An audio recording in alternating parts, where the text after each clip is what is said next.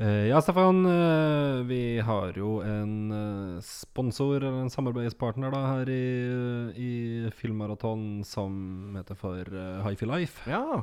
Eh, Jeg var jo innom der eh, en dag her og, og fikk en demo på, på det hjemmekinorommet i, i butikken. Ja. Eh, så på John Wick. Eh, det er jo helt, eh, helt sinnssykt hvor bra det går an å få til lyd på hjemme, hjemmekino. Ikke sant?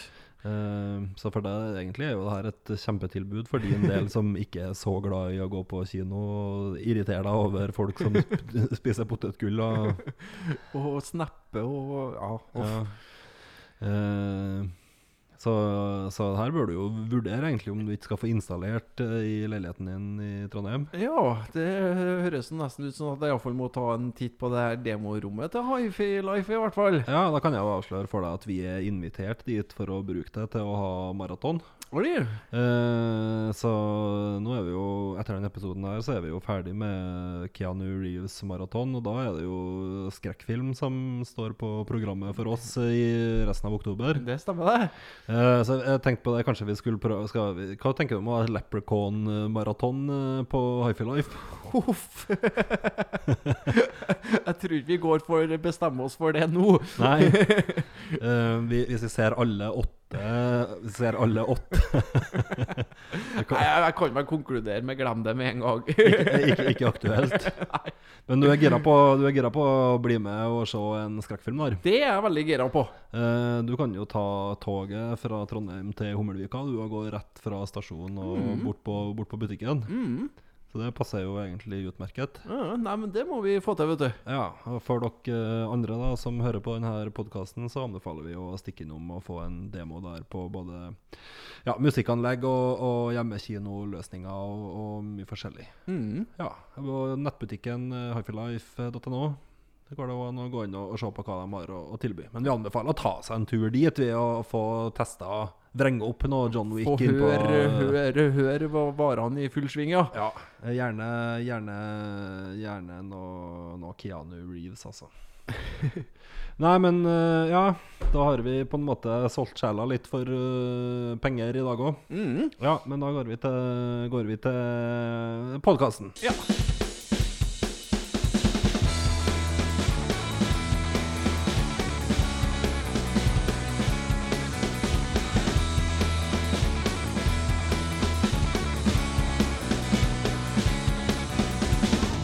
I was flying outside Corporation one night for the transport, and uh, I put down my bottle. Velkommen til episode to av Filmmaraton. Navnet mitt er Andreas Balstad. Her med Stefan Tollefsen som vanlig. Hei sann! Hei, Stefan. Um, det her er jo del to av uh, Keanu Reeves-maratonet vårt. Sist kom vi til slutten av 90-tallet, da, med Johnny Nemonic og Djevelens Djevelens advokat, advokat ja. ja, og litt forskjellig. Ja. Eh, Da fikk, hadde vi jo en Keanu Reeves som var ei stor eh, Hollywood-stjerne, men han hadde kanskje ikke ennå kommet til det punktet der han var den store Hollywood-stjerna. Nei. Men det ble han ganske fort. Ja, da kom det en film i 99 som eh, egentlig sprengte alle rekorder. Ja, og som løfta han ut fra en eh, ganske, ei ganske stor filmstjerne til å rett og slett bare være verdens største box office-stjerne i en periode der rundt millenniumsskiftet. Mm. Vi snakker vel da om Johnny Nemonic 2. Ja, vi gjør det. Ehm, det er, jo, det er jo, men det er jo det. det er jo Nei, altså, det, altså, det er ikke helt tull når Nei, det er ikke helt tull, faktisk. Jeg Når- må, tenke, jeg må tenke meg litt om nå. Men, men dem som lagde Matrix, de har sett Johnny Mnemonic og syns at den var kul. Ja, så absolutt. Og jeg kommer òg på når trailerne og sånn så vidt begynte å komme for Matrix, så var det mange som trodde at det var Johnny Nemonic 2. Ja, For det kunne det ha vært, altså. Det, jep. Eh, på godt og vondt, egentlig. Men jeg skal komme litt tilbake til eh, Vi må begynne med å snakke litt om hva vi har sett, på, sett siden sist vi satt i studio her. Ja. Eh, jeg har sett eh, Toy Story 4. Ah, det er jo enten Keanu Reeves med der òg, Det tror jeg. er en, eh, det er en eh, selvfølgelig. eh, Han har en av de store eh, birollene i Toy Story, Toy Story 4. Han spiller Canadas eh, greatest eh, stuntman, da, Duke Kaboom. Um, eh, for så vidt en, en bra rolle, det. Eh, men eh, Um, vi hadde jo en avstemning på, på nettsida vår om hva som var favorittrollen til våre lyttere med Keanu så langt i 2019, og, og den nådde vel ikke helt opp til John Wick i John Wick 3. Nei, men det skal være noe til òg. Ja, men en, en, bra, en bra rolle og den soleklart største box office-hiten til Keanu i 2019. Dette er en av de fem mest sette filmene på kino i, i verden så langt i, i år, der John Wick 3 så vidt sniker seg inn blant de 20 mest sette. Ja.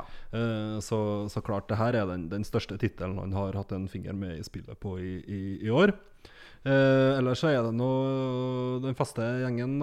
da. Eh, Tom Hanks og Tim Allen er tilbake som Woody og Buzz Lightyear, og vi har alle de kjente karakterene og, og, og stemmene fra de tidligere filmene. Er det med ei sånn plastskje og noe sånn det er med ny lekeflokken? Det er riktig. Han har jo blitt en slags sånn fan, ny fanfavoritt, da. Forky, som er den her, eh, som er den her eh, hjemmelagde leken, på en måte. Ja. som, ikke, som er litt sånn forvirra i, i forhold til om han faktisk er en leke, eller om han er søppel, eller hva han, hva han egentlig Som sliter med litt identitetskrise. ja.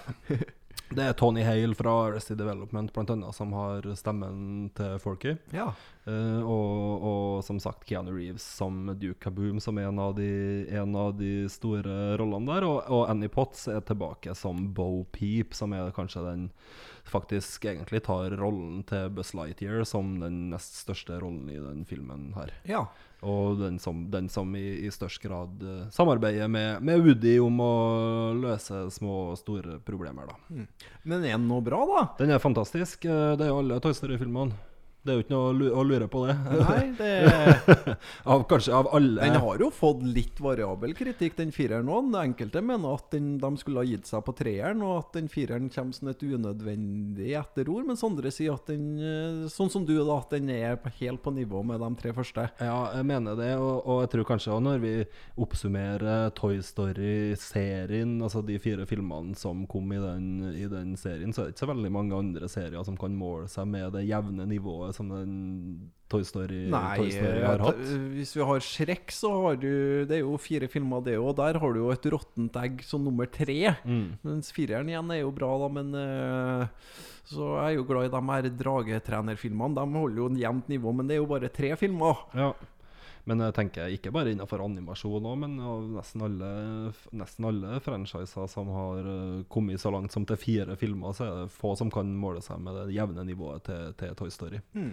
Så for, jo, for, for all del eh, Jeg kan jo se at noen syns at det var nok, og at de kunne ha gitt seg på, på treeren, men jeg syns det her er en verdig og god konklusjon på eh, ja, en, en serie som har vært med oss i 25 år, da. Ja, men i, nå i fireren da er ikke han, han pjokken som på en måte eier lekene i de tre første, han- han er ute av, av eh, storyen da, eller? Andy er på college, eh, og, og det er da heller ikke hans søster Molly som gir dem, men ei ny jente som heter for Bonnie, som, eh, som har tatt over, eh, tatt over de her lekene. Ja. Vi kan vel avsløre så mye som at Woody ikke nødvendigvis er hennes favorittleke, Mhm. sjøl om det var Andy sin i de første, i de første filmene.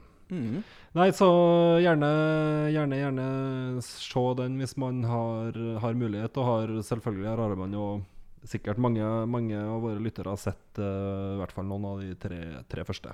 ja. Og om man likte det, og liker det Pixar holder på med, så gjerne se den. Eh, det er jo, de vet jo hvor de, hvilke knapper de skal trykke på for å få følelsene i, i sving i Pixar. Det er jo ikke noe tvil om det. Mhm.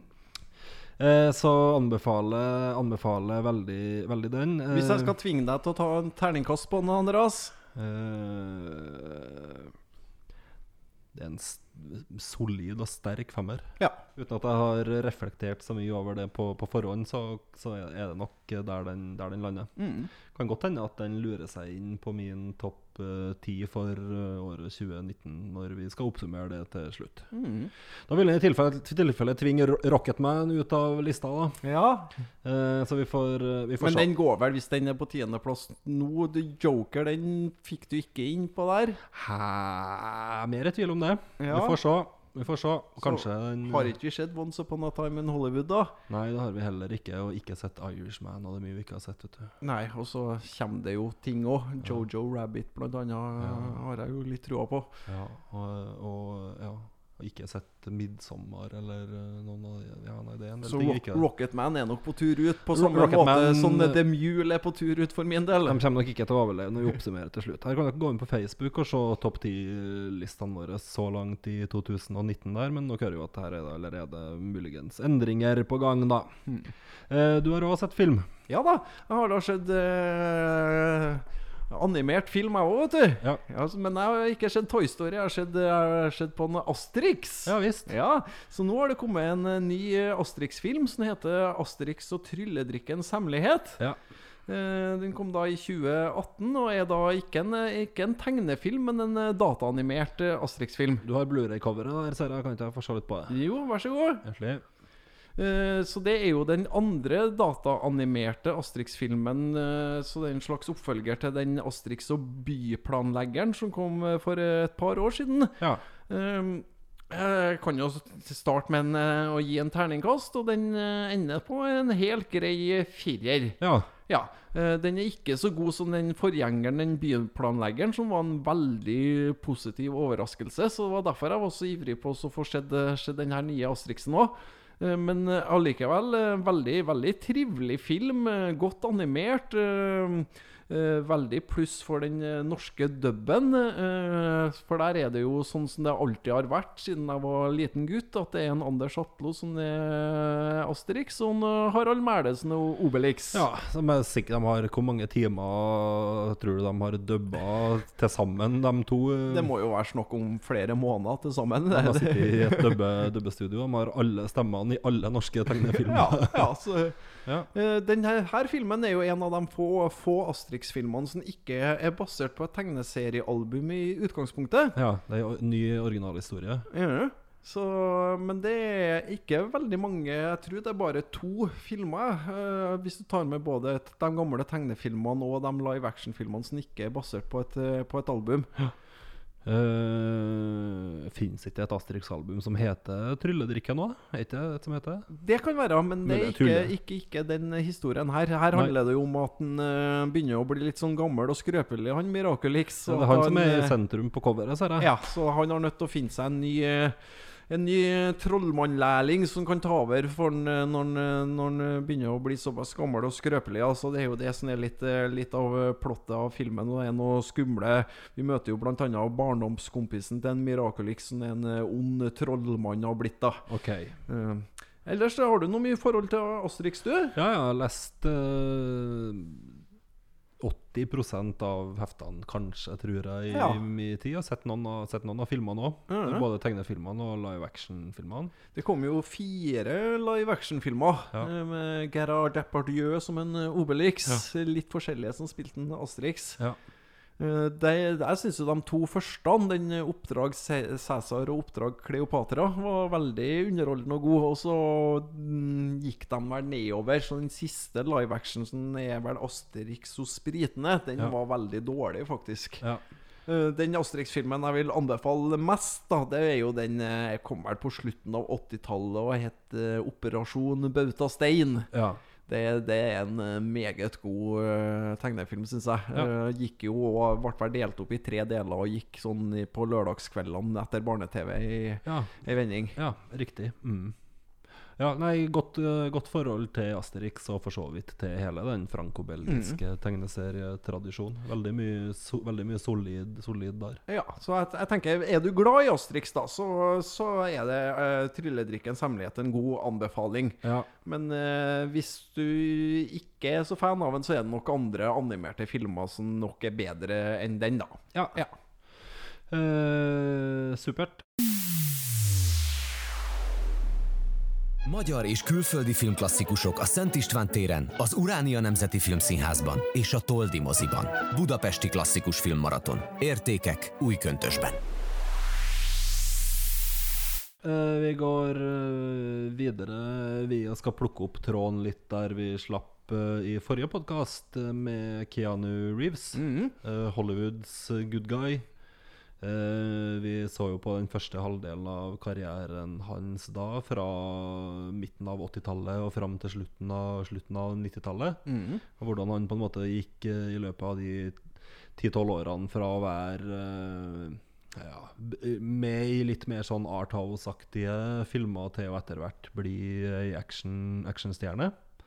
Eh, men og, og, for så, og for så vidt òg en skuespiller, som vi sa i forrige podkast, som fikk en del skryt for allsidigheten sin, i forhold til at han var med i mange forskjellige typer prosjekter. og, og ja, kanskje i større og mindre gra- grad klart seg bra i, i, i forskjellige roller, både komedier og, og action- og dramafilmer. Eh, men det kom en film i 1999, vel, Ja. eh, som passa han helt perfekt. Ja. Eh, og som er den soleklart største filmen fra 1999, og kanskje den millenniumsfilm nummer én på Ja. mange måter. Ja, det- det- det må fanger vi si. den, fanger den perioden helt Ja. Mm. Eh, og det er selvfølgelig The Matrix. Enn at det er 20 år siden den kom. Det er 20 år sia. Ja. Uh, Lagd av eh, The Wach- Wachowskis. Ja, de var vel brødre da, og ble søstre nå i etterkant. Ja, men jobber fortsatt, eh, jobber fortsatt eh, sammen som en produsent, manusforfatter, regiduo. Eh, eh, The Matrix gjorde jo underverker for karrieren til, til Keanu, og løfta han, som vi sa i forrige podkast òg, fra å være ei stor Hollywood-stjerne til å være den største Hollywood-stjerna i, en- i en periode. Eh, samtidig så var det jo onde tunger da òg som fortsatt stilte spørsmålstegn ved kvalitetene hans som skuespiller. Og det ble en sånn saying hos enkelte at eh, Keanu Reeves eh, kan tre ting. Han kan jo gå kult, han kan jo stå kult, og han kan jo springe kult. Men i- for rollen i Matrix så var jeg jo egentlig det de tre tingene du trenger å kunne, da. Ja, kom, kom, ganske langt med, kom ganske langt med det. Ehm, ja, hva skal jeg si om, eh, om The Matrix? Jeg var jo litt inne på det i, i- i stad. at Den, den har jo en del slektskap med f.eks. Johnny Mnemonic og, og den her cyberpunk-action-sjangeren som var populær på andre halvdel av 90- 90-tallet. Men eh, The Matrix den står jo seg den dag i dag, Ja. som en god film. Ja.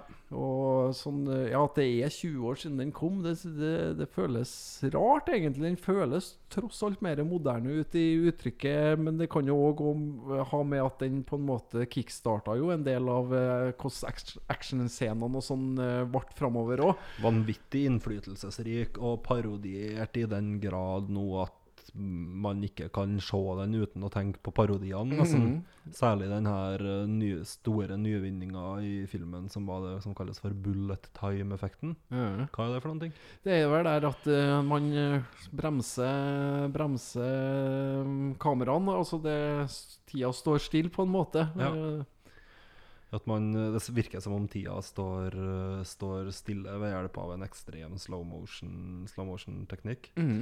Eh, Det er jo en blanding av eh, Blanding av den her type Kall det sånn litt sånn internett eh, Internett, cyberpunk Hacker, estetikken eh, Og Og mye New metal og, og Soundtracket er jo legendarisk. Det traff jo tidsånden på eh, veldig. ja. Eh, og har jo hva er det, Rob Zombie og Marilyn Manson, Ja. Rammstein eh, eh, Rage Against the Machine Mm, så den eh, solgte jo, solgte jo masse, det der soundtracket. Alle, alle, alle klasserom tror jeg på hadde, hadde et eh, eksemplar som ble spilt av eh, der på i en Tror- periode. altså. Også. Ja, jeg tror Rammstein kan takke Matrix mye for den ekstreme kommersielle suksessen de har hatt utenfor Tyskland. med At eh, de fikk med Du Hast da, på, på soundtracket her i City. Ja.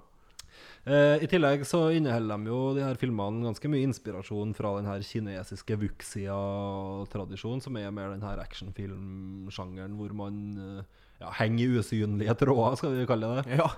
Som man gjør i 'Snikende tiger', 'Skjult drage' og 'Hero' og, og ja, innafor den, der- den sjangeren, sjangeren der. Så det er jo ei sånn salig blanding av mye forskjellig der. ja, Kung fu og Ja.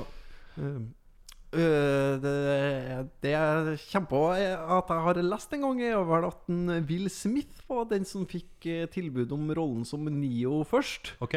Og det har vel Will Smith sjøl sagt, at det er han glad for at han ikke takka ja til, for at han hadde kommet til å ødelagt filmen. Ja. For at han, øh, han så for seg å ha en helt annen tilnærming da, til den karakteren enn øh, enn det en øh, Keanu Reeves hadde. Ja. Øh, hadde heller spilt den mer sånn øh, Fresh Prince in, i Bel-Air Ok. øh, i dataverden på en måte. Nja. Så, så øh, hadde det blitt Will Smith, så tror jeg vi hadde eh, ha, blitt en helt annen Matrix, da. Mm. Ehm, og, og Will Smith var jo på den tida her òg selvfølgelig en av konkurrentene til Keanu om å være den største stjerna i verden, med suksess i Men in Black bl.a., som var en av de andre virkelig, virkelig store actionfranchisene på tidspunktet. da Eh, så, så ja. Nei, jeg kan heller ikke se for meg Will Smith i den eh, rollen, for å være helt ærlig. Keanu er bra kasta. Mm. Og ellers så tenker jeg at Matrix gjorde vel sitt for salg av sånn skinnkåper. Ja, det var mange som gikk i det en periode. Og i i det hele tatt, hele den der gan- på- ja, si det rett ut, ganske jævlige estetikken som kom der en periode. da. Nokia solgte jo ekstremt mange telefoner Mm. Ja. der en periode og som hadde den her eh, det her l- lokket som du trykker på en knapp, så spratt Ja, det ja, ut, på ja, en ja, måte. ja, ja, ja råtøft. Ja, så det har vært brukt i, vært brukt i, i den her opprinnelige Matrix, eh, Matrix-filmen.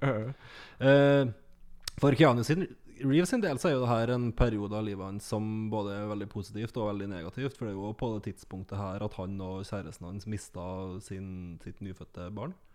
Eh, som igjen førte til at, eh, at eh, forholdet dem imellom ble såpass satt på prøve at de endte opp med å gå fra hverandre ganske kort tid etterpå. Ja. Og hun tidligere samboeren hans eh, ble, døde jo i, i ei trafikkulykke bare noen år etterpå her.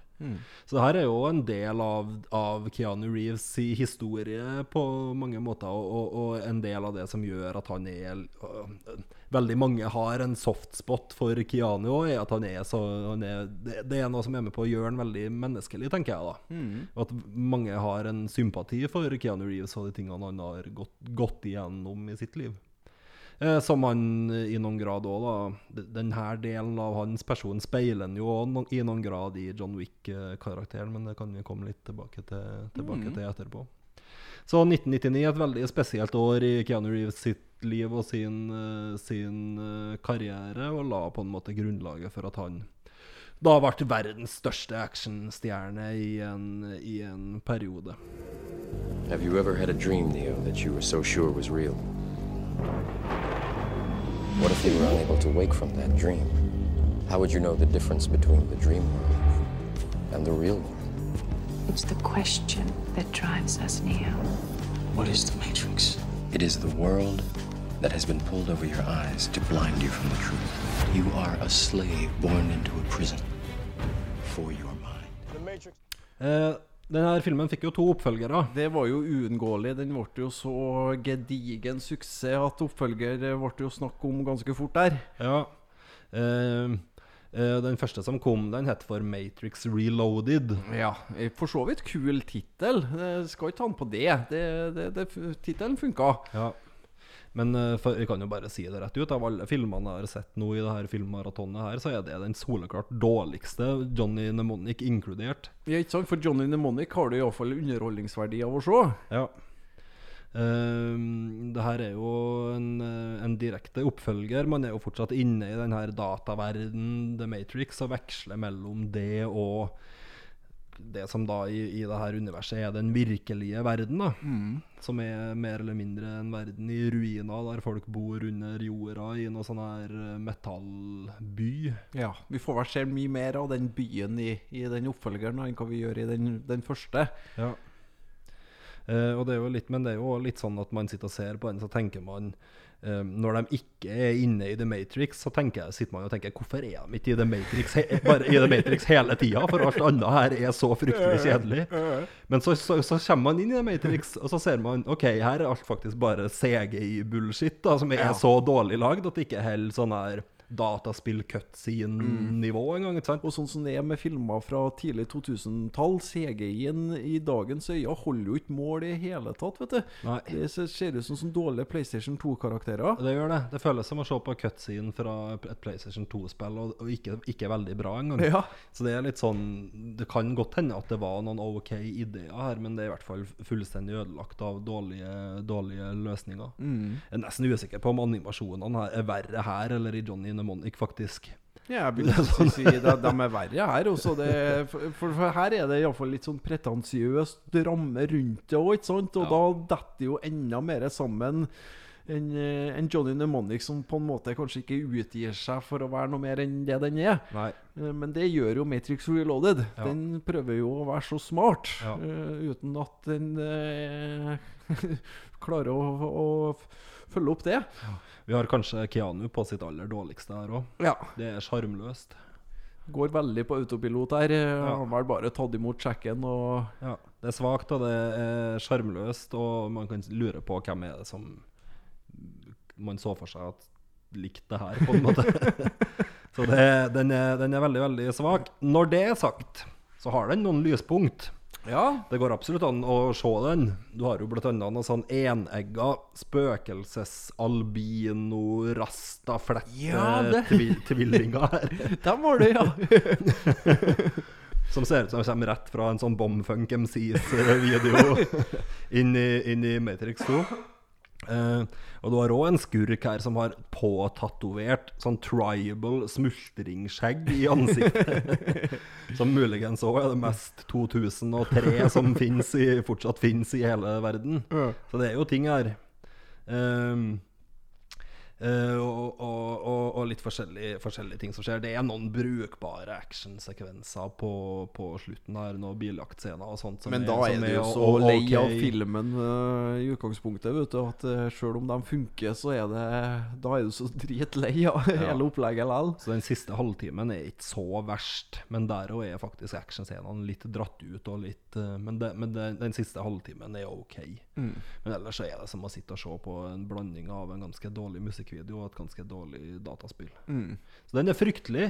Og jeg, og jeg husker, jeg husker, ja, men den er det. Den er, den er absolutt fryktelig. Og jeg husker ikke den når jeg, s- jeg husker ikke den som at den var verst. Nei. For jeg, s- jeg har sovna på kino én gang i mitt liv, og det var på Matrix 3. Ja. Eh, eh, så, så jeg hadde jo en idé om at det var At det var den verste, den verste av dem, men det er det faktisk ikke. Nei, jeg mener, mener å komme på at, at Revolutions var tross alt ikke fullt så ille, da. Eh, Det er faktisk en film, da. Ja, Eh, og en helt OK, helt OK film. Den går det an å se, faktisk. Den er ikke veldig bra, det Nei. er den ikke. Nei. Eh, men eh, Og den er jo ikke Det er vel masse Altså, det er vel ikke noe mye logikk igjen i den heller. Nei, Og du har kanskje tidenes mest oversolgte Jesus-metafor på film òg, i, i, i Matrix 3 med Neo som the one. Da. Eh, og for så vidt veldig store deler av den filmen som foregår utafor The Matrix. Men det, er- det er likevel sjø enn i toeren, for da slipper du at du er inni det her CGI-rølet, da. I, i, så lenge som du trenger å, trenger å være. De solgte jo bra med billetter. Det, ja, ja, det gjorde de jo. Jeg, kje- altså, jeg var jo så både toeren og treeren på kino. eh, men burde jo, burde jo egentlig ikke ha gjort det. Men de var jo såpass store filmer når de kom, at eh, det, man måtte jo på en måte se dem. Eh, I dag så er det Det er jo noen som hevder at de, har øde, at de to oppfølgerne har ødelagt òg for den originale. Det er jeg uenig i. Jeg ser på den originale som en sånn standalone-film jeg nå. Ja. Og at det, det, det, det er den som er The Matrix. Ja. Og så driter jeg egentlig i de toeren og treeren. De, eh, de, de eksisterer nesten ikke. Nei, i hvert fall ikke som likeverdig med den første, Nei. på en måte. Og Den står seg jo veldig godt som Så jeg hadde jo en, en DVD-boks før med alle, alle tre, og når jeg da skulle oppgradere, så gikk jeg bare eh, og oppgraderte eneren til Blu-ray, og de t- to andre de, de får, får bare være i den DVD-boksen. Det- hvor, hvor, hvor er de hen, da? Hæ? Hvor du har dem hen? Jeg har dem på soverommet en plass. Ja, de Ja, ligger- ja, ja, de ligger da tilgjengelig. Un, under, under senga, hvis du finner ut at du må se dem. Ja, ja, ja. Så, øh, men det er bare, en- det er bare eneren som er, som er verdt å Som, som blir tatt med videre, da. Ja. Og, og, som- men som sagt, alle filmene her gjorde Keanu til verdens største filmstjerne en periode, og så skulle man på en måte kanskje trodd at det her var en karriere som bare skjøt videre fart, men det gjorde det jo egentlig Jeg ikke. gjorde ikke det. Han forsvant egentlig litt ut i glemselen en periode etter det her. Ja. Hvorfor, hvorfor ble det sånn? Nei, Mulig han tok litt feil rollevalg, da. Eh, Mulig han hadde lyst til å utfordre seg sjøl litt. Og ta litt andre, andre roller sånn, eh, i filmer som viste seg å bli fiaskoer, både hos kritikere og hos publikum. Han Begynte å spille sånne romance, eh, romantiske filmer og Mye, mye rart. Eh, Den første filmen han spilte etter den første Matrix, var vel den der eh, The Watcher, der han spiller seriemorder. Ja. Um, øh, f- Jeg har ikke fått sett den, men eh, premisset virker jo egentlig ganske interessant ut. Men jeg ser jo at den gjennomgående har veldig, veldig dårlige kritikker, da. ja. Så eh, Videre så fulgte den jo opp i 2001 med en film som heter for eh, Hardball. Ja. Den har jeg jo fått sett eh, litt av, i hvert fall. Ok. altså, jeg skulle se den forrige søndag. Orka ikke å se ferdig den. Nei, jeg, jeg, jeg skrudde den av etter en time. Det- For, for det første så er det jo en veldig sånn formelfilm. Du, du, du kjenner sikkert til filmer som eh, The Mighty Ducks og Ja, Little ja, ja, Giants. ja, det er den der, ja. Ja, Ja. Så, så, så premisset for filmen er at en Keanu spiller en, en gambler da, som spiller på alt som går an å spille på av sport og spill, Mm. eh, og ender jo da selvsagt opp med å skylde penger rundt omkring. Eh, og så trenger han jo å få penger da for å, å betale ned den her gjelda si, og da får han, eh, får han hjelp av en gammel kompis. Men han vil ikke bare gi han penger, han setter han da opp som eh, trener for et lilleputtlag i baseball. Ja. Så her er jo premisset veldig likt som det er i Mighty Ducks, der han er Emilio Esteves motvillig må trene et lilleguttlag i ishockey. Bad News Bears Eh, uh, Little Giants og så videre. eh, Ja.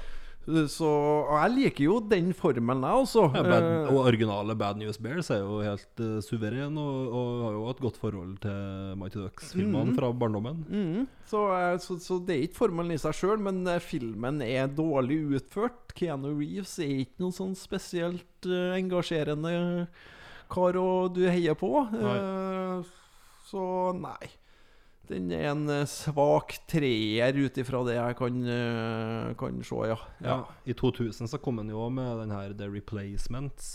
Ja, det, det er jo en sånn sportsfilm. Ja, Der han spiller en avdanka quarterback som på en måte får en slags andre, second chance til å prøve seg i, i toppligaen et- under en streik. Ja, og du har fått sett den, eller? Ja, jeg har sett den, og den er, o- den er ok. Ja. Ja, Det er jo ei kla- det er jo ei klassisk sånn lagsportkomedie, litt, men mer i, mer i ånden til Major League, for eksempel. Da. Ja. Eh, minner litt mer, om, litt, litt mer om den. Den er ganske oppskriftsmessig formel, formelprega, men den har for så vidt noen litt ok roller og, og er, ja, er grei. ja. Det er Eh, kanskje heller ikke noe særlig mye mer enn en terningkast eh, et sted mellom en terningkast Ja, en OK terningkast tre. Ja. Men, eh, men eh, jeg vet at det er mange som har den som en litt sånn eh, gi- eh, Jeg liker ikke det guilty pleasure-begrepet noe sånn spesielt godt, da, men at, eh, men at i hvert fall en, en sånn litt glemt Keanu-film som en del folk eh, liker godt. Gene Hackman som er med der. Gene Hackman er med der, ja. Eh, så fikk han jo en sånn semihit, kanskje, i 2005, når han spilte i Konstantin. Ja, det, den var populær hos en del, i hvert fall. Ja. Eh, sikkert de som er veldig fan av den tegneserien. eh. ja, det er Hellblazer. ja. Eh, der han spiller John Constantine fra Hellblazer-universet. Den har jo sine følgere. Men det er kanskje også mer en kultfilm enn noe annet, eller? Tror det. Ja, Tror, tror nok det. ja. Eh, men det er jo litt kanskje et eksempel på at den etter Matrix-filmene ble litt typecasta til å spille sånne helter i frakk, for å si det på, et, på et nivå. Og veldig mye av det han har gjort egentlig i store deler av karrieren sin, nå har jo vært å spille i sånne helte, redde verden-roller. Har han jo, har han jo vært. Eh, vi snakka jo litt om Keanu før vi gikk på lufta i dag, og da nevnte du òg den her The Day The Earth Stood Still fra 2008, som ble solgt inn som en slags comeback for Keanu. Det, det, det ble den. Det var jo en storfilm uh, når den ble lansert, den. eh, Men den slo jo egentlig aldri helt igjennom. Nei. Eh, filmen er jo sånn helt ok. Den er jo så smått kjedelig. Eh, Keanu Reeves spiller jo da den her utenomjordiske karen som kommer til jorda. Eh, eh, og har, har med seg en sånn svær robot. Det er jo en nyinnspilling der fra den her 50-tallsklassikeren. Eh, Keanu Reeves funker veldig bra. Veldig, s- for Han skal jo være en utenomjordisk karakter, og det, det, det funker han som. Og, eh, men eh, filmen ble aldri noe spesielt stor suksess, og den eh, har gått i glemmeboka hos de fleste i dag. Ja.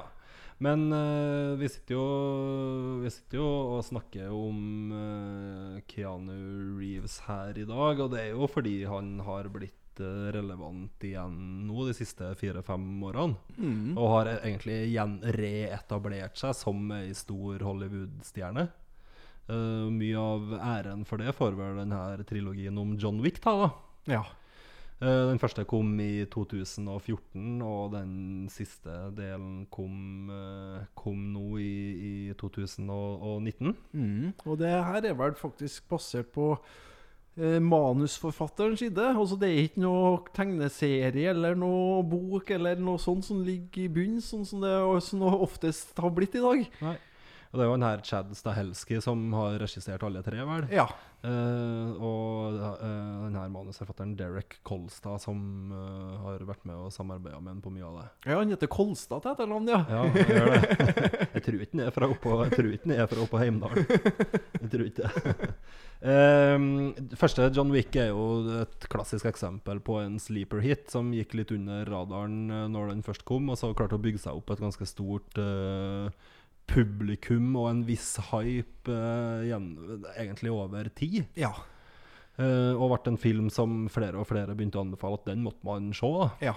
Jeg kommer jo på, jeg var, på artig, og jeg, jeg var jo en av dem som kjøpte den. Fordi at den ikke, ikke, Da hadde den jo vært ute en liten stund, nå, men da begynte jeg å lese og se litt sånn at den her var en film som flere og flere anbefalte som var en actionfilm som skilte seg litt ut. da Eh, og det her eh, ser vi jo på når vi snakker med folk om Keanu, og folk skriver på Facebook-sida vår, og sånt, og at det er John Wick som virkelig er Keanu Reeves for kinopublikummet nå i 2019. Mm. Det er det, den karakteren han blir forbundet med. Hvem er egentlig John Wick? Han er vel en leiemorder som har eh, gått av med pensjon, da. Ja. Fått eh, klart å trukke seg ut fra miljøet. Ja. Men som Så motvillig blir dratt inn i det. Helt korrekt, fordi det kommer noen gangstere og dreper hunden hans, er jo premisset i den første filmen. Ja, og da er det, er det ikke han ø, svenske Mikael Nyquist som er noe sånn mafioskurk der? Ja, og en Alfie Allen er vel med også i den første, er han ikke? det? Ja Fra- han, ja, han er vel sånn heslig eh, sønn eller noe annet til, til noen sånn mafiakonge. Ja, han er, altså han er også med i den, i den første filmen. William Dafoe har vel òg en, en liten, liten rolle her. Eh, Men den eh, Alfie Allen er kjent som eh, Theon Greyjoy fra, fra Game of Thrones, selvfølgelig. For, Eh, og er jo en Ja, en streit og solid actionfilm. Det er skyting, det er slåssing, det er bilkjøring, det er Ja. Ja. Jeg personlig er ikke kjempeglad i John Wick 1, faktisk. Nei, Jeg ble- John Wick eh, eh, 1 er, er vel kanskje bare ok? Eller den er bra, Den liksom? er bra, Den- den er- men eh, ø, det, det som var at den, var jo, den ble jo veldig hypa. ja. Og jeg hadde så store forventninger til den, så den, når jeg så den, så skuffa han meg. Ja, Um, men det, det er eneren. ja. Den er solid og bra. Jeg elsker John Wick 2 og 3. Ja, så De eh, er, fan, de, de er, fan, de er fantastiske. Jeg har jo John Wick 3 som min film of the year i 2019. Jeg har jo, i og med at eneren skuffa meg, så orka ikke jeg å gå til innkjøp av toeren. Så den så har jeg eh, heller ennå ikke sedd. Men Du har den nå her, ser jeg. Jeg har- har kjøpt den inn, da, vet du. Ja, du har det. Ja. det er jo, eh, må, jo ha, må jo ha dem. Ja, ja, ja. Du har ikke sett den? Nei. Å nei, det må du gjøre. Ja, jeg skal, skal få gjort det, skjønner du. Eh, Men så, i og med at du anbef eh, t- tross alt hadde John Wick 3 som førsteplass, Ja, da, ja, ja, ja, så ja, tenkte ja. jeg nei, da må jeg få prioritert å få sett den John Wick 3. Ja. Eh, og eh, jeg ble skikkelig Denne gangen ble jeg veldig positivt overraska, da. For nå hadde jeg for- senka forventningene mine, og så var den atskillig bedre enn det jeg hadde forventa. Altså, den var knalltøff. Den er helt nydelig, rett og slett. Mm. Ehm, eh, og består jo i praksis Altså, storyen i John Wick er jo ikke så interessant. Det er jo Nei, nei. det, Den det er- er folk som prøver å drepe en John Wick, men han ender opp med å drepe dem i stedet. Mm. Det er jo det, det, det, er jo det alle tre filmene handler om. Og i treeren du har jo så mye kule, kule karakterer. Mye mer kule karakterer rundt en John Wick enn hva det er i den første. da Fordi det som skjer i John Wick 2, som du ikke har sett, da Det er jo at man utvider det her universet så enormt. eh, og man introduserer en hel sånn her leiemorderverden som John Wick er en del av. For da både Ian McShane og en, eh, Larry Fishburn er med først i toeren. Ja, de duk, dukker, opp, eh, dukker opp der som, eh, som på en måte eh, eh, ja, de, er jo en slags, de er jo en slags medhjelpere til en John Wick, på en måte. Ja. Og, og er jo med både i John Wick 2 og, 2 og, og, og 3, sammen med han her fyren fra The Wire, som jeg ikke husker navnet på i, i farten.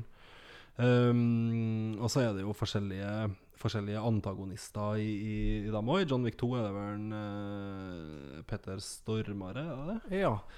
Eh, mens i eh, Det er jo en Mark eh, Dacascos som er i John Wick 3, og det, var, det ble jo jeg gledelig overraska over, for det er jo en sånn 90-talls B-filmskuespiller, vet du. Var med i masse sånn karatefilmer rett på VHS.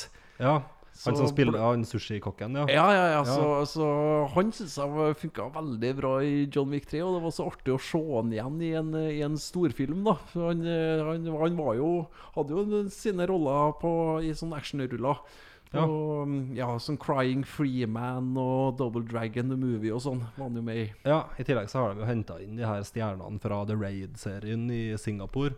eh, Ja. Som er med i, i avslutnings, eh, avslutningsscenen, og han slåss med før han slåss med ha- han eh, i, i det her eh, speilrommet, eller hva man skal Ja, kalle ja. det, på, på, på slutten. Men uh, Hally Berry, er hun med i toeren? Nei, hun er og en ny karakter i, i, i eh, John Wick 3. Ja. Og, og, er, og er den største karakteren sammen med John Wick i andre akt i filmen. ja. Um, men er bare, med, i- er bare med i andre akt, da. Ja. Eh, og har ganske godt trente kamphunder, kan du vel avsløre Kan du der. vel da. si. Ja.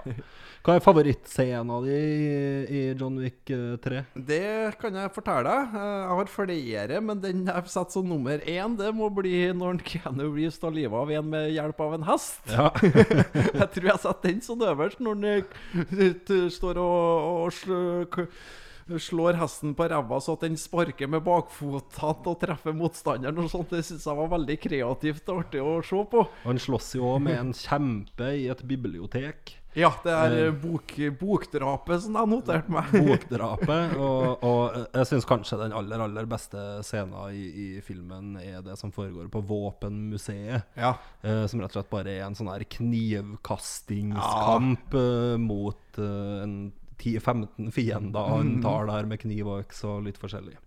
Det er jo blodig og brutalt, men det er jo men hvis en Og harry. Og harry, ja. Blod- Blodharry. Alt er jo lagd i en sånn her neonestetikk. Eh, eh, ja. Eh, det svarte er veldig svart i den filmen her, og, og, men, og ellers er det mye lilla og blått Mm. og, og ja, veldig en sånn storby-neonestetikk som, Mm. som går igjen. Ehm, og er i praksis en seks, sju, åtte store actionscener som er limt sammen på noe Ja. vis. da Ja. Eh, jeg har sett den fire ganger, tror jeg. Uh, må, inn, Sto- må innrømme at jeg ikke har sett alle scenene imellom de store actionscenene hver gang. Jeg har skippa over deler av den og sett bare actionscenene noen ganger òg. Da skal jeg For jeg har jo sett den på mm, Blu-ray, eh, og det er jo nordisk film som har gitt ut, eh, gitt ut treeren, i motsetning til Star Media Entertainment, som gitt ut den første. Ja. Og nordisk film og Blu-ray-utgaver, det er ikke bra, altså. Det er dårlig. Ja, altså, s- ikke noe å si på selve bildet og lydkvaliteten, den er bra, men de, gjør jo, de har ikke lagt inn eh, kapittelvalg engang. OK. Du bare spytter- Går det an, det?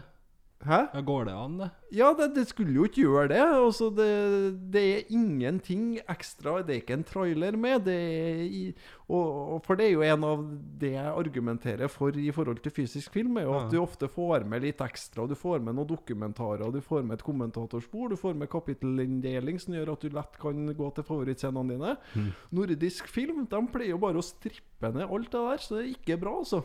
Nei. Eh, nei, det er jo helt håpløst. Eh, men i hvert fall, ja, vi trenger ikke å si så veldig mye mer eh, om det her, men det er i hvert fall eh, Keanu Reeves i storform uh, i, i John Wick 3. Ja, og den starter jo med en gang òg, vet du. Det er bare rett, rett på'n. Ja, ja, nei, det er jo greia med, med John Wick. Det er actionfilmer i, i hjerte og sjel og blod og, og, og alt. Og det fins ingen andre vestlige actionserier nå som er like kreative og oppfinnsomme og interessante som det John Wick-filmene er. Og så funker Keanu Reeves veldig bra i Ja, ja. rollen. Ja, ja, Eh, han gjør det. Eh, Sier jo ikke så mye, men eh, nei, men han, eh, han har trent på koreografien sin. han har det. Og det, det, der har han jo, er han jo godt trent fra før, og han øvde jo masse kung fu og sånn til, til Matrix-filmene. Og Ja. Eh, den største box-office-hiten hans har vi jo nevnt i 2019, det er Toy Story 4. Eh, I tillegg så har han jo vært med i to filmer som kom rett på Netflix. I 'Always Be My Maybe' og 'Between Two Ferns The Movie'. Der han spiller litt mindre roller og, og spiller i praksis utgaver av seg sjøl, da. Eh, og, og litt av eh, det morsomme i, i 'Always Be My Maybe' Det er jo at han spiller en slags sånn douchebag-variant av Keanu Reeves, som på en måte snur opp ned på den her Hollywoods good guy-imaget som han, som han har, har hatt. da ja, Spiller en usympatisk variant av Keanu, Keanu Reeves, rett og slett. Ikke så aller verst eh, Ikke så aller verst film. Det er jo ei- ei o- helt OK romantisk eh, komedie med en helt, en helt OK rolle av Keanu Reeves. Eh, 'Between Two Ferns' er jo Der er han jo med bare i noen, noen minutter og spiller jo seg sjøl der i den her. Langfilmversjonen av eh, Zack Galifianakis sin sketsjserie fra Funny or Die. Den er jo showverdig. Ikke så mye pga. Keanu Reeves. Han er ikke stjerna der, men, eh, men den er jo definitivt uh, showverdig. Så et bra år for en, eh, Keanu Reeves. ja da, og det ser da ut som at han skal ha noe ålreite år eh, framover òg. Ja, i, ne- Allerede neste år så kommer jo det her cyberpunk-spillet som han har en, en rolle i. Ja. Men han er jo aktuell med en del eh, spennende filmting framover. Mm. Vi får jo eh, flere oppfølgere igjen nå, da. Ja. Eh, til- allerede til neste sommer nå så kommer Bill og Ted 3. Den heter Bill og Ted Face the Music. ja, kan ikke du fortelle meg litt om den? hva, er, hva er det for noen Så ting? den er jo faktisk eh, Den er allerede innspilt eh, Ja. og kommer, til- kommer da til sommeren. Og eh, vil da komme 29 år etter forrige Bill, Bill og Ted-film. eh, Så Bill og Ted er i 50, de er jo over 50 nå. Ja. Og, og som vi kommer på fra den første filmen, så er jo eh, greia med Bill og Ted Det er jo at de kommer til å ordne musikk som ordner fred på jorda. Ja. Nå har det jo gått 29 år da siden, siden sist, og nå kommer det da en, en reisende fra framtida som kommer og minner dem på at de måtte begynne å ordne den her sangen Ja, men de har snart. ikke gjort det. De har ikke fått gjort det ennå, vet du. Så det er vel det som er plottet, da. Ok. At, at de skal få ordna den her, her sangen som skal ordne, Ok, jeg trodde det ordne handlet fred om- på jorda. Jeg trodde det handla om ungene deres, eller noe sånt, men det gjør ikke det. Det Nei er da, så fortsatt det- Bill og Ted, altså. Ja da, og den tar, tar utgangspunkt da i, i plottet fra eneren, egentlig. At, eh, at, eh, at de blir fredsmakere. Eh, og det er jo Det er jo en Keanu Reeves som spiller han Ted, og så er det en eh, fyr som heter Alex Winter, som spiller en eh, Bill. Og det her er jo faktisk første rollen hans da, som ikke er en cameo eller noe, siden 1993. Ja. Så jeg, jeg tenker jo på eh, Har han Keanu gjort det her for å være litt grei med sin gamle kompis? For å Altså, jeg, jeg vet jo eh, Mel Gibson han gikk jo med på Dødelig våpen 4 for Danny Glover sin skyld. ja, sånn, ja. Jo, jeg, jeg, skjønner, jeg skjønner hva du mener. Ja, mulig. Ehm, er det noe vi kommer ut og se det? Jeg er ikke på kino. Eh, Jeg kommer, ikke å, jeg kommer nok ikke nødvendigvis til å kjøpe den når den eh, er helt ny, eller Men når den har kommet ned litt i pris, så må nok Bill og Ted Face the Music eh, ende opp i samlinga. Det kan jeg nok se for meg. Men vi ser for oss at den kommer til å få norsk kinorelease. Ja, ja. Eh, sans- Ja, ja. Mest sannsynlig. Den gjør, ja, den må gjøre det. Ja, det, det gjør den. Den kommer til å komme som en, ja, en brukbar eh, storfilm. Ja. Jeg tror kanskje det er større nyheter likevel at det kommer en Matrix 4. Ja. Eh, den går jo i produksjon til neste vår, hvis alt går som planlagt, og har en premiere planlagt i 2022. Mm. Eh, den har manus og regi av Leina Bakowski og, og skrevet skrevet manuset sammen med folk som hun samarbeida med på bl.a. Cloud Atlas og Sense8 og en del av de her prosjektene som Wachowskian har holdt på med etter Matrix. Ja, det er jo eh, Skal jeg jo være ærlig, så er det jo ikke noe mye bra de der Wachowskiene har ordna etter Matrix. De har egentlig lagd bare Matrix 1. Ja, Eh, og Så Egentlig. har i hvert fall ikke, i hvert fall ikke det de har lagd etterpå, appellert veldig til min smak. Men jeg vet jo at f.eks. Sense8 har hatt sine, sine fans. eh, Men den forrige, den Jupiter Ascending, er vel en av de største floppene i nyere tid. mm. Så de har, de har bomma en god del på tingene sine, egentlig. Både Det er vel kom- kanskje litt kommersielt derfor de og- går tilbake til Matrix òg, kanskje. Ja. Eh, Eh, Lilly Wakowski er ikke foreløpig tilknytta prosjektet. Oi, da, nei. Nei, Vi får se hva som skjer der etter, etter hvert. Eh, Carrie Ann Moss, eh, som spiller Trinity, og Keanu Reeves da, er bekrefta med. Eh, l- vår gode, gamle venn Larry Fishburn, som selvfølgelig da også er med i, i John Wick-serien, er foreløpig ikke, ikke klar for Jo. Mat- Matrix 4. Det er Har du lest det nå? Ja. Har du le- I disse dager? Ja, ja. Ok, kult. Da er, da er han òg med. For det vet jeg at har hengt litt i lufta, hvem som, hva man skulle gjøre med Morpheus-rollen. Men hvis han, eh, hvis han er bekrefta Han med, har så iallfall er det eh, sett, sett, sett noen nyhetssaker om det, ja. Er du sikker på det? Ja da. Ok, ja, kult. Da er, da er hele gjengen til, tilbake for en ny Matrix-film. Mhm. Forhåpentligvis med bedre CGI. um, det er spennende å se om de går tilbake til den her 2000 tidlig 2000-tallsestetikken på hår og klær og Det jeg håper, er jo at de på en måte går til- litt tilbake til eneren og ordner en som ikke er for komplisert. Da. En går litt tilbake til røttene, ikke prøv å ordne så veldig smarte ting med, med orakel og profetier og det ene og det andre, men en eh, Kjør på bullet time, kjør på vuxia og kung Mhm. fu-action. Kjør, på- kjør på med litt solbriller og skinnfrakker og og det er kule at du kan transportere deg inn i forskjellige verdener. Og på en gjør, måte. ja, gjør artige ting i, i The Matrix. Det er alt vi ber om, egentlig. Mm, ikke- Min, mindre filosofi og Veldig mye mindre og, filosofi. og sånn her eh, Og sånn folk som sitter og spiser vassgrøt i, inni sånne røde Ja, det er mye scener av det. De sitter i sånn, Sitter i sånne søppelsekker, sånn, sånn striesekker og spiser vassgrøt. Det er dårlig. Uff, mindre av det. Men ja, nei, vi ser for så vidt fram til, frem til det. Mm. Eh, Så det ser bra ut. Det ser bra ut for vår mann. Ja, og eh, sånn som John Wick 3 er slutt, da, så tenker jeg at det legges nå opp egentlig til en firer der òg. Keep them coming. Pø, pø, pøs dem ut. Og eh, artig, artig også i forhold til Det er vel ikke helt tilfeldig kanskje at en Larry Fishborn som ble kasta i John Wick-filmene. Nei, de er jo gamle venner, dem. Ja da. Og eh, det Jeg følte liksom på slutten av John Wick 3 at man fikk litt det der forholdet Morpheus Neo igjen, da. Ja.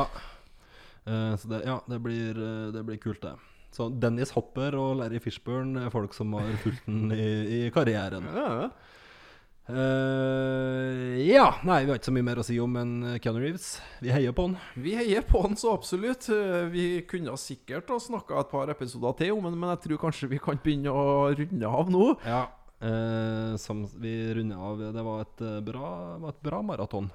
Vi, har, øh, vi var vel så vidt innom på at han ikke har, har vunnet noe Oscaren, øh, Keanu. Nei, jeg har vel ikke vært så nært heller. Han har ikke det. Han har aldri, aldri vunnet, blitt nominert til, til Oscar, men han har hatt, øh, hatt sine Razzie-nominasjoner. Ja. Og den første fikk han da i 1993 for øh, Stor ståhei for ingenting. ja. Og så kom det to nominasjoner faktisk i 1996, da ikke bare for Johnny Nemonic, men også en film som heter A Walk in the Clouds. Mm. Året etter ble den nominert for Chain Reaction. Ja. 2001 ble den nominert for The Watcher. ja. 2002 ble den nominert for Hardball og Sweet November. Ai, ai, ai, ai, ai. Så der ser du at den her nedturen etter Matrix kanskje begynner her. Ja, for folk som ikke vet hva vi snakker om nå, så er det jo Golden Raspberry Awards som deles ut kvelden før Oscar-prisene, er det ikke? Ja, og det er en mot, motstykke da til Oscar der de kårer det verste i stedet for det beste. Ja, og det er ansett som en slags sånn her Det er jo nesten ingen som har møtt opp og tatt imot de her prisene. Nei. Eh, Det tror jeg du kan telle på to hender, sånn cirka, dem som faktisk har møtt Ja. opp og tatt imot. eh, Halle Berry gjorde det for sin Catwoman. Bla, blant annet, men hun er et av unntakene. Mm. Det er jo en slags, det er jo mer en fornærmelse enn en, enn en, enn en hyllest. Det er jo det. Men det skjer jo av og til at eh, go- de folkene bak eh, The Razzies og, og innser at de har eh, Ja, kanskje Ja begå- da. begått en urett. Ja da, så i, i, i 2002 var jo den der siste filmnominasjonen han fikk, men så fikk han en nominasjon til i 2005, og da ble han nominert som Razzie Loser of Our First 25 Years, så da Ai, var, ai, da ai, ai, var han ai. en av kandidatene til å være den aller verste Razzie-kandidaten i de 25 første Ikke årene. bra. Men ti år senere, i 2015, så sa de litt unnskyld, eh, Razzie Awards. Ja. For da ble han nominert til Redeemer Award. Ja. Og det er da bakgrunnen av suksessen på John Wick, og at han på en måte har eh, nok en gang klart å løfte karrieren eh, sin. For, altså, man må se at han er en kul fyr, at han er en bra, det er en bra kis. Ikke sant? Det går ikke an å være, det går ikke an å være jævlig mot, en- mot en Keanu Reeves. Eh, ja, nei, så eh, Oscar kommer nok aldri til å vinne, men Nei, det kan ikke jeg se for meg. Det, da, da måtte det i så fall vært en rolle som har vært så skreddersydd til en, men samtidig har vært såpass utfordrende at akademia hadde Som f.eks. Sylvester Stallone fikk jo en Oscar-nominasjon for eh, to år siden for eh, Rocky Ball, den Creed, ikke Ja, sant? ja. Eh, Men, eh, men Stallone er jo egentlig ikke en Oscar-nominerende eh, skuespiller. Men hvis han får akkurat den rollen som han kan veldig godt, da, så, så kanskje. eh, skal aldri si aldri. Nei. Eh, han har kanskje raska med seg litt annet småtjafs på noen priser. Han er jo populær hos eh, ungdommen, vet du. Det har han jo alltid vært. Ja. Eh, Så han har sine MTV Movie Awards. Ja. Og den første MTV eh, Awardsen, den vant han eh, da for Point Break. Da vant han for eh, pris for Most Desirable Male. Ok. det er jo litt forskjellige kategorier. Pris for å være kjekk. Ja, Ja, rett og slett. Ja, I, eh, I 1994 så vant han eh, for Speed. Da var det Best Onscreen Duo sammen med Sandra Bullock. skulle bare mangle. Og så vant han da i 99 for Matrix. Og da vant han to priser. Best Male Performance og Best Fight. Ja. Eh, så der har han eh, Jeg regn, ja, jeg regna vel med Matrix tok vel det, det som var av MTV Movie Awards det året, vil jeg tro. ja, alltid vært mer en kommersiell favoritt enn en kritikerfavoritt, eh, Keanu. Mm. Eh, ja. Nei, men vi runder av eh, Keanu-maratonet der. Ja. Eh, neste maraton for oss nå er jo eh, skrekkfilm. Eh, Det blir det. Litt i anledning halloween og, og høs høsten. Mm. Eh, vi har, klassikerne har vi jo sett. Det er jo ikke noe vits i å, i å se dem på nytt, tenker jeg. Så jeg tenker at vi, vi gjør det sånn nå at vi prøver å få sett litt nye skrekkfilmer. Mhm. Ting vi ikke har nødvendigvis har eh, sett eh, 100 ganger før. Prøve å holde oss til 2019. Skal vi gjøre det? Skal vi ta med oss Vi eh, må ta med oss 2018 nå, ellers så har ikke jeg nok filmer og har, ikke- må jeg nok på kino, og det orker ikke jeg. Nei, det orker vi ikke. Nei, Nei, ok. Men vi mottar gjerne tips der til både gode og mindre gode varianter på skrekkfilmfronten de siste par, par årene. Ehm, så skriv til oss på Facebook hvis det er noe dere vil at vi skal se der. Vi leser det dere, leser det dere skriver, og, og tar gjerne imot gode tips. Ehm, ja, eh, vi nærmer oss eh, slutten, men vi skal få med oss eh, en par spalter til. Blant annet har du sett litt på hva som er nytt på kjøpefilm nå i oktober. Det har jeg, vet du. Eh, Så da tenkte jeg bare å gå gjennom litt kjapt hva som eh, er nytt på video i oktober 2019. Ja. Og Vi starter med datoen eh, 14. oktober. Ja. Da kommer det et par eh, godfilmer. Og det ene som da kommer endelig på fysisk format, det er jo Rocketman. Ja. Den har vel vært ute ei stund eh, til å kjøpe digitalt. ja, jeg har sett den digitalt. Mm. Eh, jeg gleder meg veldig til å få se den. jeg. Jeg tror jeg kommer til å like den veldig godt, og tror kanskje òg at den kan komme inn på ei topp ti-liste for min del. Ja, jeg er jo ikke verdens største Elton John-fan, eller jeg, har ikke noe, jeg er jo en av, avslappa forhold til en Elton John. Du er jo fan. Ja. Eh, men jeg likte den jo også godt. Syns jo at den er, er solid. Mye sam- Mm. kule musikalnummer og sånn. eh, funker bra. Sammenligna med Bohemian Rhapsody, så er det jo en litt annerledes film, faktisk, i og Mm. med at eh, Rocketman er, fakt er en musikal, Mm. som har rene musikal Altså, ja, sang Mm, og fol Folk bryter ut i sang og dans. Eh, men den fungerer bra. Har jo et bunnsolid soundtrack i bunnen, selvfølgelig, med hele karrieren til Nelson John å plukke fra. Ikke sant? Fun funker spiller, spiller han bra, han eh, Taron Egerton er Ja. det som var Sean Nelson John, Ja. ville jeg sagt da. Ja. Han er nesten kliss, kliss lik. Mhm. Veldig, veldig, bel- veldig bra. Mhm. Den kan du godt eh, glede deg til. Det gjør jeg. Den anbefaler vi egentlig til flere, ikke bare til deg. Kan, Ja. alle, alle kan se den. Ja. Ja. Så kommer det en annen igjen. eh, Det er Godzilla, King of Monsters. Ja. Har du sett noe mye Godzilla i det siste? Nei, jeg har ikke fulgt med på den rebooten av Godzilla, men jeg registrerer at de går for å være solid. Ja, men de, de gjør det, sjø. De får eh, Jeg har jo sett den der første Godzillaen som kom, eh, og den likte jeg veldig godt. jeg. Mm. Ja. Eh, Bygde opp eh, sakte oppbygging og sånn eh, veldig sånn i dramalandskap, egentlig, til å starte med, før det bryter litt løs. Mm. Eh, Betydelig mye bedre enn den Godzilla som kom på 90-tallet med en, eh, Matthew Broderick. ja som er bare Så um, nå vet jeg ikke jeg helt den her King of Monsters. Da er det jo vel at den møter mye av de her eh, klassiske monstrene som er med i de gamle japanske filmene. Ja. Sånn Mothra og hva de heter, alle de ja, monstrene. Som er med i den opprinnelige serien, ja. Ja, Så, det er, um, så den kommer da. Eh, Jeg tror nå den skal være rimelig kul, men kanskje ikke årets beste. Det er det nok ikke. Eh, Det, Eh, eh, jeg, må, jeg må notere meg det her. Jeg skal prøve å få sett noen av de her Godzilla-filmene. Mm, eh, for det er jo ikke den eneste Godzilla-filmen som har kommet på Blu-ray i 2019, faktisk. Nei. Det har kommet en eh, Godzilla-film til. Den ble produsert i 2016, Mhm. og var da japansk, Japans største suksess det året. Ja. Eh, Og Den heter Godzilla Returns, og er da produsert av det eh, Toho-studiet som eh, produserte de opprinnelige Godzilla-filmene. Så der er det en japansk reboot som òg eh, foregår samtidig som de amerikanske rebootene. Ja. Jeg har fått kjøpt den der eh, Godzilla Returns på Blu-ray så den, eh, den står høyt på at jeg skal få sett, sett den ganske snart nå. Ja, Godzilla er vel snart en sånn allemannseie-karakter, jeg vet ikke. Man må kanskje, man må Ja. kanskje kjøpe lisensen for å kunne lage Godzilla-filmer, men, men Det må du, er litt sånn- det må du men eh, det, det, den, den foregår nå på to, to forskjellige, eh, Ja, forskjellige bare en, en del av pop franchiser. populærkulturen i hele verden. Og det er jo og, øh, allerede varsla en treer da, i den amerikanske serien, Mm. og det er kanskje den jeg gleder meg mest til, for da får du jo Godzilla versus King Kong. Ok, ja. ja, Så Det da kan smil, vi smelter de sammen King Kong fra Kong eh, Skull Island ja. og Godzilla fra den amerikanske rebooten. Da, så blir det dem to som skal møtes i, i, i, i kamp. Det har et publikum, sjø. Ja. Uka etter, eh, 21. oktober, så kommer det òg et par eh, nye filmer. Vi har jo den her X-Men Dark Phoenix. Mm. Har du sett den, eller? Nei. Eh, Har du lyst til å se Nei, den? jeg datt av sånn. Jeg vet ikke om jeg så ferdig Apocalypse, jeg syns den var så dårlig. ja. Men, eh, men jeg syns jo både First Class og Days of Future Past var ok.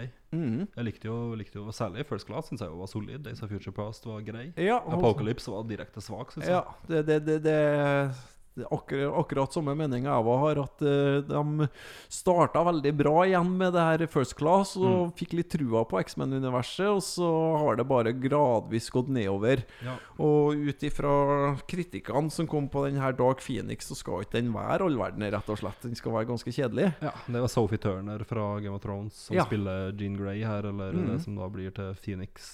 Mm.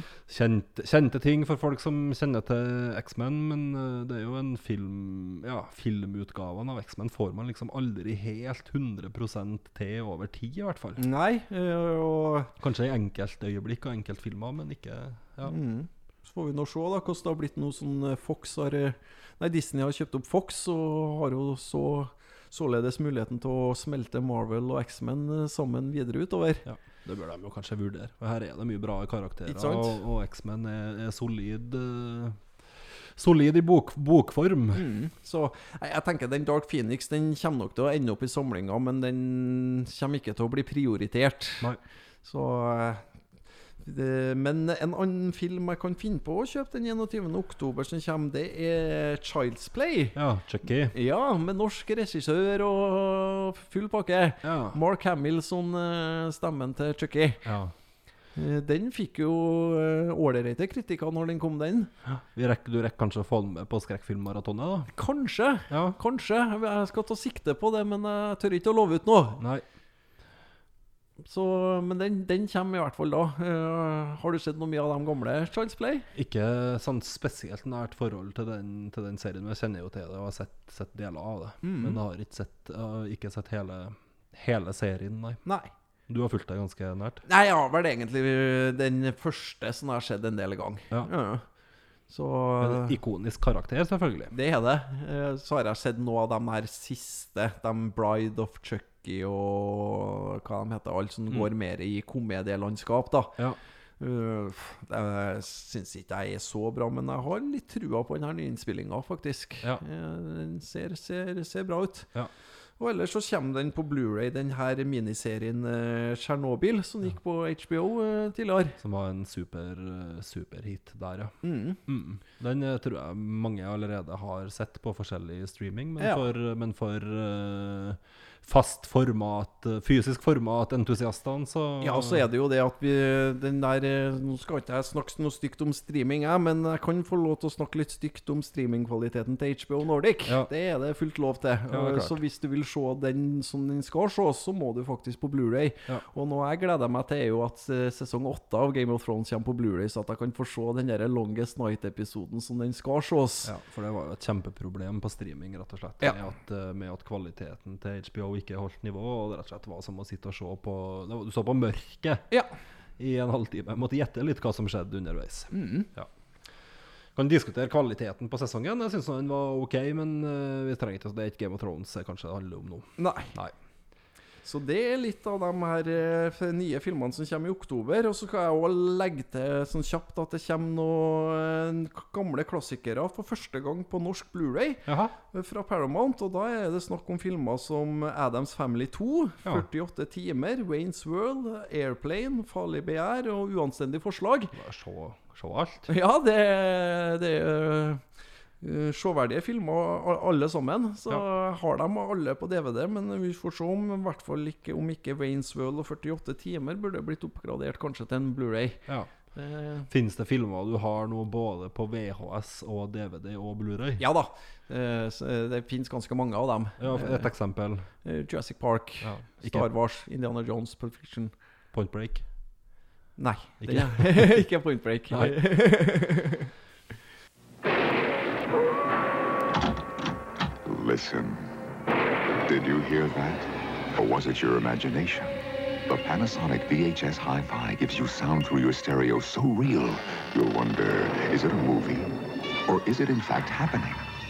Until you've seen the Panasonic VHS Hi-Fi, you haven't heard it all. VHS Hi-Fi video recorders from Panasonic. Så eh, Men video, vet du. Jeg du vet jo det, Andreas, at jeg er jo så glad i video, jeg. Du er jo det. Alltid vært glad i video. Ja, ja. Så Jeg har jo eh, fått masa meg til at jeg skal ha en eh, litt sånn eh, eh, egen spalte her eh, en gang iblant. Ja, nei, jeg jeg er spent på det. Du har jo med et blad herfra med med gammel, eldgammel Narvesen-logo på. Det har jeg.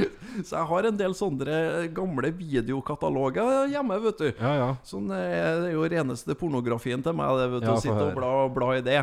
Ja. Og så det jeg har tenkt å gjøre nå, da, er at vi skal skru klokka 28 år tilbake. Så vi skal tilbake til 1991, og vi skal òg til oktober 1991. Ja, Så skal vi se da hva som var nytt på video, eh, video da. ja visst. Og så skal vi Det se var litt tidlig for Waynes World da.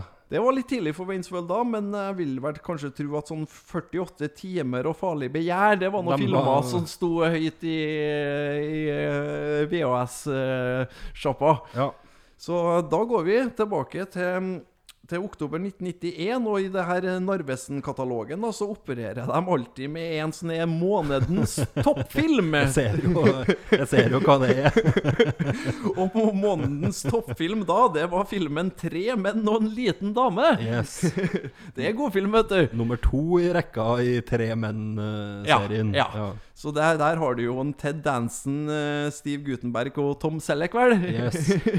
som spiller da tre, tre karer som tar seg av ei lita je- jente. Ja. Eh, Så det var nok mange som, eh, som eh, gikk og leide den, tenker jeg. Så dem jo, jeg har helt sikkert sett dem på video og på, leid dem på Moviebox eh, i, i 91 sikkert. Ja, Da. ja. Jeg har nå begge på DVD. Jeg så nå kanskje en tre-fire år siden at jeg så dem. Mm. Eh, Ikke holdt seg vel kanskje ikke kjempebra, men eh, trivelig nok, da. Og Kanskje ikke de tre stjernene som har hatt det- stått seg best etterpå, eller? Ten, det var- tendensen har gjort et lite comeback nå, selvfølgelig, men eh, Han kommer aldri helt bort, Nei, den tendensen tendensen. kommer aldri helt bort. De to andre er det lenge siden jeg har sett. Ja, Steve Gutenberg på- har jo kommet veldig bort, vel. Ja. Eh, Tom Selleck var jo, var- hadde jo litt i TV-serie. Var jo med TV i Friends og sånt, men, det, men husk, det er 25 år siden det òg. 20, 20 år siden. 25 år. det, det er sant, vet du. Det er det. Så er det seks titler til da som kommer, kommer denne her, eh, her eh, oktoberen. Ja. Og da er det noe for barna. Da har Disney kommet ut med en ny serie som heter For luftens helter. Ja, Sånn- tail, Som- tailspin. Tailspin, ja. Der vi følger Bjørn Baloo som eh, pilotflyger. Ja visst. Så da er det nok en samling her med en eh, tre-fire episoder, tenker jeg, samla på, en, eh, på en VHS. Av TV-serie. Ja. Det store luftsirkuset heter den her. Ja, ja, ja. Så eh, hadde han Clint Eastwood. eh, han var jo eh, alltid aktuell, eh, han. Ja da. Eh, og i 91 så kom han på VHS med filmen The Rookie. Ikke sett. Da er det eh, der han Du kan jo bare lese litt hva, kjapt hva den handler om. Clint Eastwood er en hensynsløs politiveteran og det rene marerittet for sin nye og uerfarne partner Charlie Sheen. Ja. Så du skjønner Ja. nå med en gang hva det her Aha. eh, går ut på. Aha, aha, ja, den høres Jeg kan jo være showverdig, kanskje. Ja, ja, ikke dum. Jeg har den Ikke på, så- ja. har den på Blu-ray. jeg, Ikke så og det- verst. Det, det, den er ikke, det, er jo, det er jo ikke av de filmene som eh, blir dratt fram først når du snakker om Clint Eastwood-filmer. Nei. Det er det ikke, men den er absolutt, eh, absolutt underholdende. Charlie Sheen på den tida der var ikke så verst, han heller. eh, Nei. Klarte seg helt grei. Han var ganske stor, stor stjerne, egentlig. Lenge før det klikka for han. Da. Ja, ja. det var jo Ja, så da hadde han vel kommet med den første Hotshots-filmen, tenker jeg, og Ja, så han var, en, eh, var, var aktuell, han. Mm. Og så kom det en eh, thriller. Så det er så fine at de har på en måte ba- Det er noen komedier, noe action og noe, noe for enhver smak her, egentlig. Ja, Så den, den, eh, den thrilleren, da, det er På norsk så heter den 'Inn i det ukjente' og har eh, originaltittel 'Flatliners'. ok, ja. Den har eh, skuespillere som Keefer Sutherland, Julia Roberts, Oliver Platt og Kevin Bacon på Mm. eh, skuespillerlista, så det er en ganske solid cast, da. ja, jeg kjenner tittelen fl- fl- når du sier 'Flatliners', men jeg tror ikke jeg har sett den. Eh, det- Den eh, er faktisk ganske kul, altså. Ja. Det handler om en sånn eh, gjeng med sånn s- legestudenter som driver på og eksperimenterer med å så bl- være midlertidig død. Ok, At ja. de skrur av, skrur av Ja, eh, Vi hørtes kjent ut, men ja, nei. Og så fikk han en nyinnspilling som kom for et par år siden, og som ble slakta nå ut av Ja, som den gikk vel for å være kanskje den dårligste filmen som Ok. kom det året. Ja, jeg skjønner. Ja. Den eh, nye Flatliners. Men den gamle Flatliners, den, eh, den anbefales. Ja. Og så eh, kom Cher med en eh, film på eh, VHS. ja, en av Eh, hennes klassikere, faktisk. ja, 'Mermaids'. Yes. Og hun har jo en av sine mest kjente sanger også, er jo fra den eh, filmen. Mm. eh, 'Chup Chup eh, Song'. Ja. Så der er det jo at en Bob Hoskins da spiller, spiller noen selger som eh, klarer å sjarmere seg inn på alenemora Cher, og det er vel da mm, er ikke av Vinona Ryder som spiller dattera hennes. Jeg innbilte meg at den hadde en norsk tittel. Den har hatt den 'Hvordan selge sko' Til en havfrue. Ja, Ja. jeg tror det den het på norsk, ja. Ja. Så ja, gikk vel ofte som søndagsfilm på TV2 opp gjennom 90-tallet, har vært Det den. vil jeg tro at den er popu- populær der, ja. Eh, og så kom det en knallhard actionfilm eh, med godeste Jean-Claude van Damme. ja. Eh, filmen jeg snakker om da, er 'Death Warrant', Ok. som er fengselsfilmen til en van Damme. Eh, Så det her er jo prinsippet at han er en politimann da, som eh, som må gå undercover i fengsel for å finne ut eh, noe snusk som foregår der. Går der. Og så er det vel nå at han ikke kommer seg u- At identiteten kommer bort på en måte, og så er han stuck i det der fengselet da, eh, og må kjempe, kjempe, kjempe for s- sitt liv og sin fri- frihet. En film eh, VHS-en jeg kan tenke meg kanskje en del eh, leid med seg hjem, men som kanskje ikke snakka så høyt om det, det var filmen 'In Bed With Madonna'. ja. Har du sett den, eller? Nei. Det er- Ja.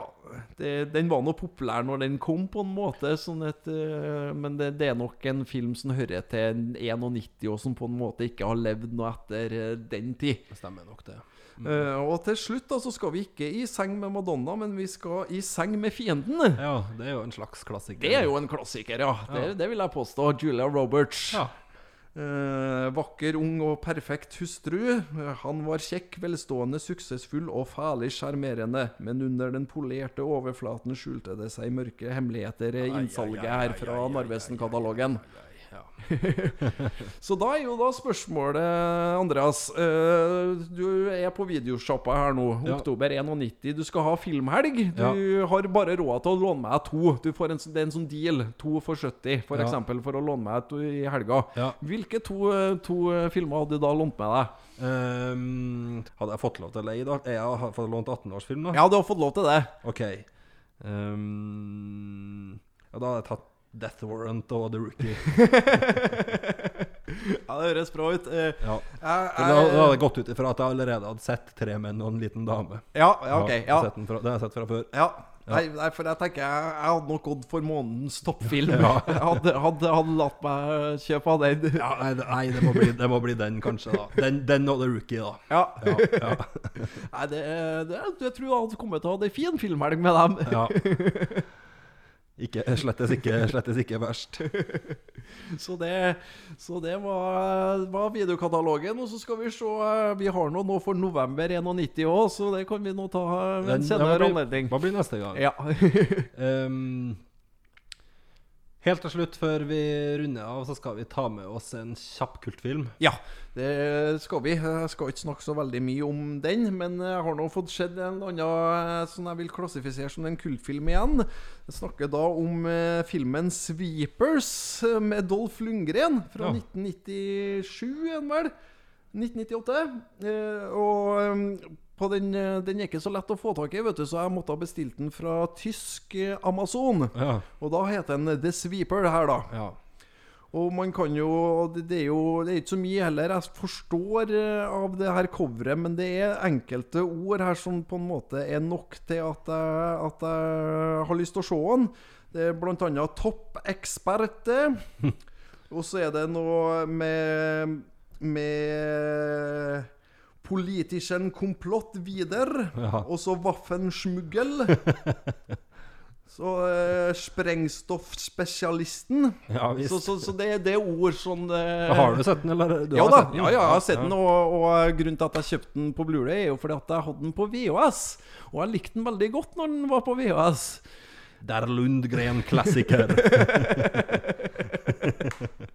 Eh, Den har da en rating på 4,1 i MDB. Ja. Eh, Når det kommer til Dolph Lundgren-filmer, så har jeg en regel jeg, når jeg sjekker ratinga på IMDb. Jeg må alltid legge til tre stjerner, faktisk, for å få riktig karakter. så, så det vil jo si at den her ligger jo faktisk på 7,1, den. Ja, som tilsvarer en terningkast fire, sånn cirka. Ja, ja. Og det er den. Ja. Eh, Så det sånn kjapt hva den handler om, da, så er det at en eh, Lundgren spiller en minesveiper som eh, mister sønnen sin i et angrep, på, eh, angrep i Angola. Eh, Og så blir han jo litt sånn forfylla og deprimert da, og er nede i Am Am Amerika der. Og så får han vel besøk av den sprengstoffspesialisten. Og skal da rydde opp med noen sku- skurker der. Og den beste, beste scenen i filmen, det er jo da når han eh, Dolph Lundgren står med cowboyhatt, og så står han på grava til sin avdøde sønn. Og så står han You could be a good boy, Johnny. Daddy's going to work. Og så lader han hagla. Oi, Det- oi, oi, oi, oi. Mye- Han har underbittet på plass, ser jeg. Veldig kjeven fram. Ja, altså Eh, Skurken blir jo spilt av en fyr som heter Bruce eh, Payne. eh, Som er kanskje mest kjent for å eh, spille skurken i 'Passasjer 57'. Ja. eh, Og eh, ellers en haug med C- og D-filmer da som han, han har vært med i. Ja.